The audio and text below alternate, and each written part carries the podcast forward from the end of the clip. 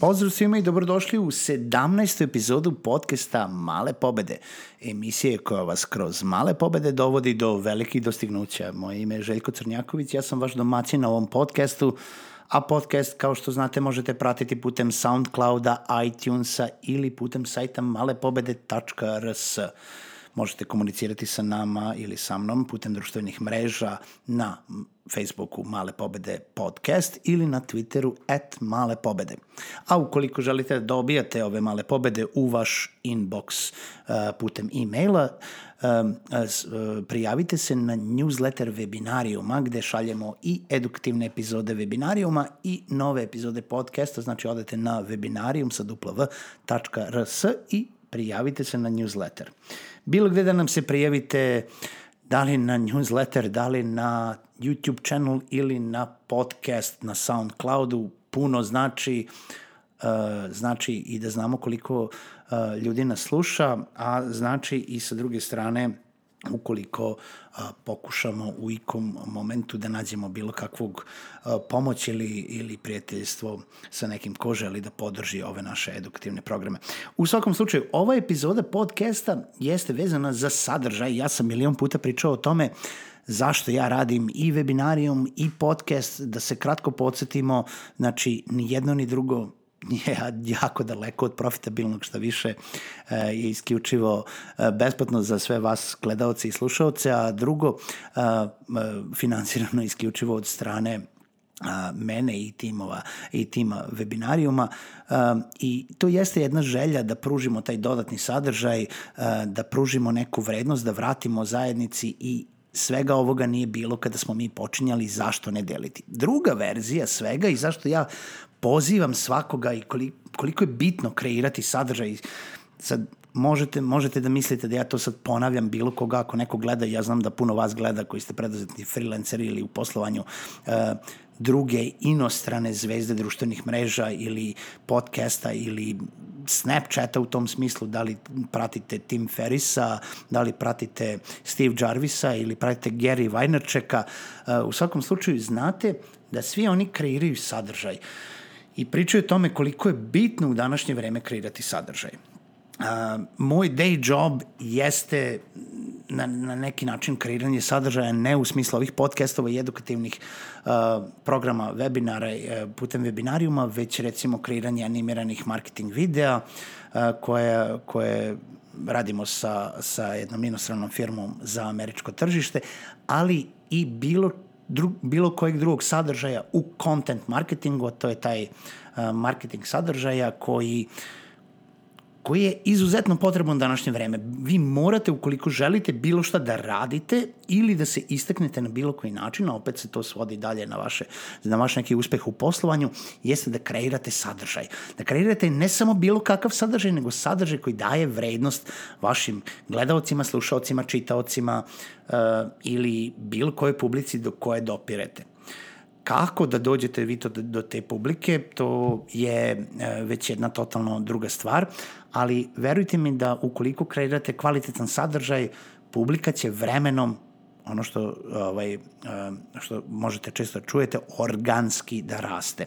Isto kao što organski raste slušanost ovog podcasta i gledanost epizoda webinarijuma.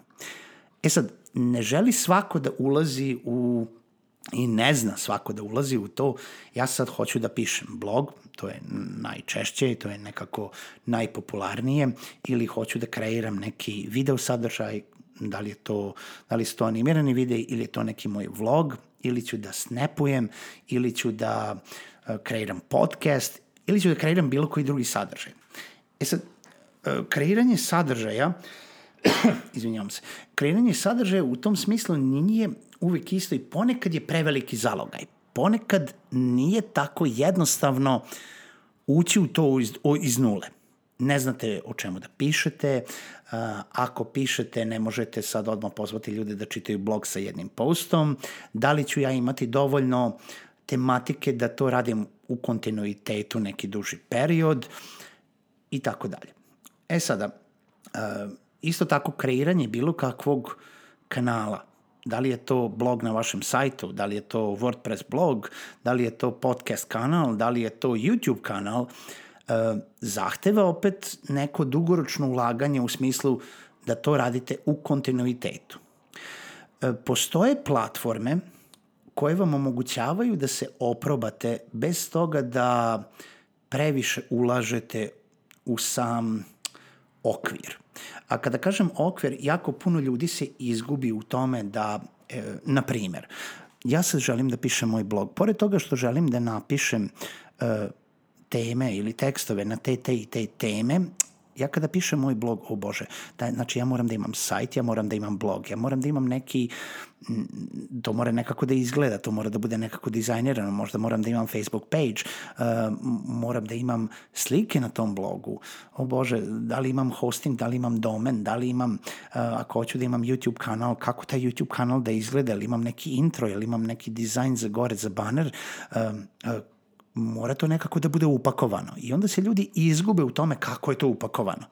Znači, isto kao što sam pričao preko ove epizodu, da se ljudi izgube u uh, tehničkim potrebama kreiranja sadržaja, znači kakvu ja kameru imam, kakav mikrofon imam, kako ja to pišem, ajde, to je najlakše u, u tom nekom najmanje zahtevnom smislu.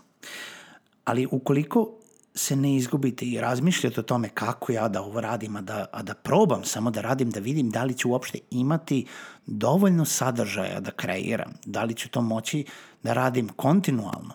Postoje platforme koje vam omogućavaju da se vi probate u tome. Na primer, eh, medium.com, za sve oni koji ne znaju, je mikroblogging platforma.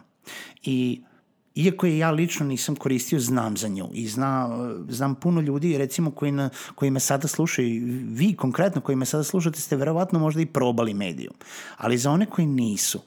Znači, platforma vam omogućava da vaš napisani tekst veoma brzo objavite i podelite sa vašom publikom bez ikakvog razmišljanja o tome da uh, I jao Bože, ja treba sad da imam svoj sajt, svoj domen, pa taj blog treba da izgleda i da bude formatiran nekako, pa to treba da ima neki meni, pa zaglavlje, pa sa strane šta izgleda. Nema, Medium je veoma jednostavan, veoma clean, um, napišete tekst, postujete ga, možda imate svoju sliku koja je, koja je potpis autora i to je to. I kada vidite recimo da imate čitanost, onda ćete veoma lako da napravite i da razmišljate o svim ovim propratnim stvarima. Ima, na primjer, uh, jedna, uh, ukoliko želite se bavite uh, podcastovima, Naprimjer, podcastovi, i nemojmo da ih zanemarimo, jer uh, evo upravo vi nas slušate sada. To jest vi mene slušate sada. I ja moram da kažem puno vam hvala što me slušate, jer ovo je 17. epizoda i, na primjer, od ove epizode uh, moram da uplatim SoundCloud članarinu da bi mogao dalje da postojem. Ja ću to da uradim i uh, iskreno se zahvaljujem svakome ko me sluša i ko preporuči ovaj podcast nekome da, da poveća slušanost, jer stvarno to radim zato što mislim da je od koristi onima koji slušaju. E, znači, bez toga da uzmete i da, da uplatite i da kreirate sad, e, ne znam, SoundCloud profil, pa to treba da izgleda nekako, pa to treba da delite, pa to možda treba da ima banner, pa to treba da, da uopšte vidite da li možete da snimate epizode. Uh, i, I da čak, čak da dođemo do te mere da bez svog tog dizajniranja svega ne znate kako da snimite to, nemate program, nemate mikrofon, nemate tehničke mogućnosti zato da bi samo lokalno, bez ikakvog deljenja na internetu, snimili taj podcast i probali da vidite da li vi imate smisleno što da kažete, nebitno da li je to 10-minutni podcast ili pola sata ili sat vremena, da li je sa gostom ili je sam ili imate još nekoga s kime radite. Znači, bez išta toga, zamislimo da ne znate da snimate podcast.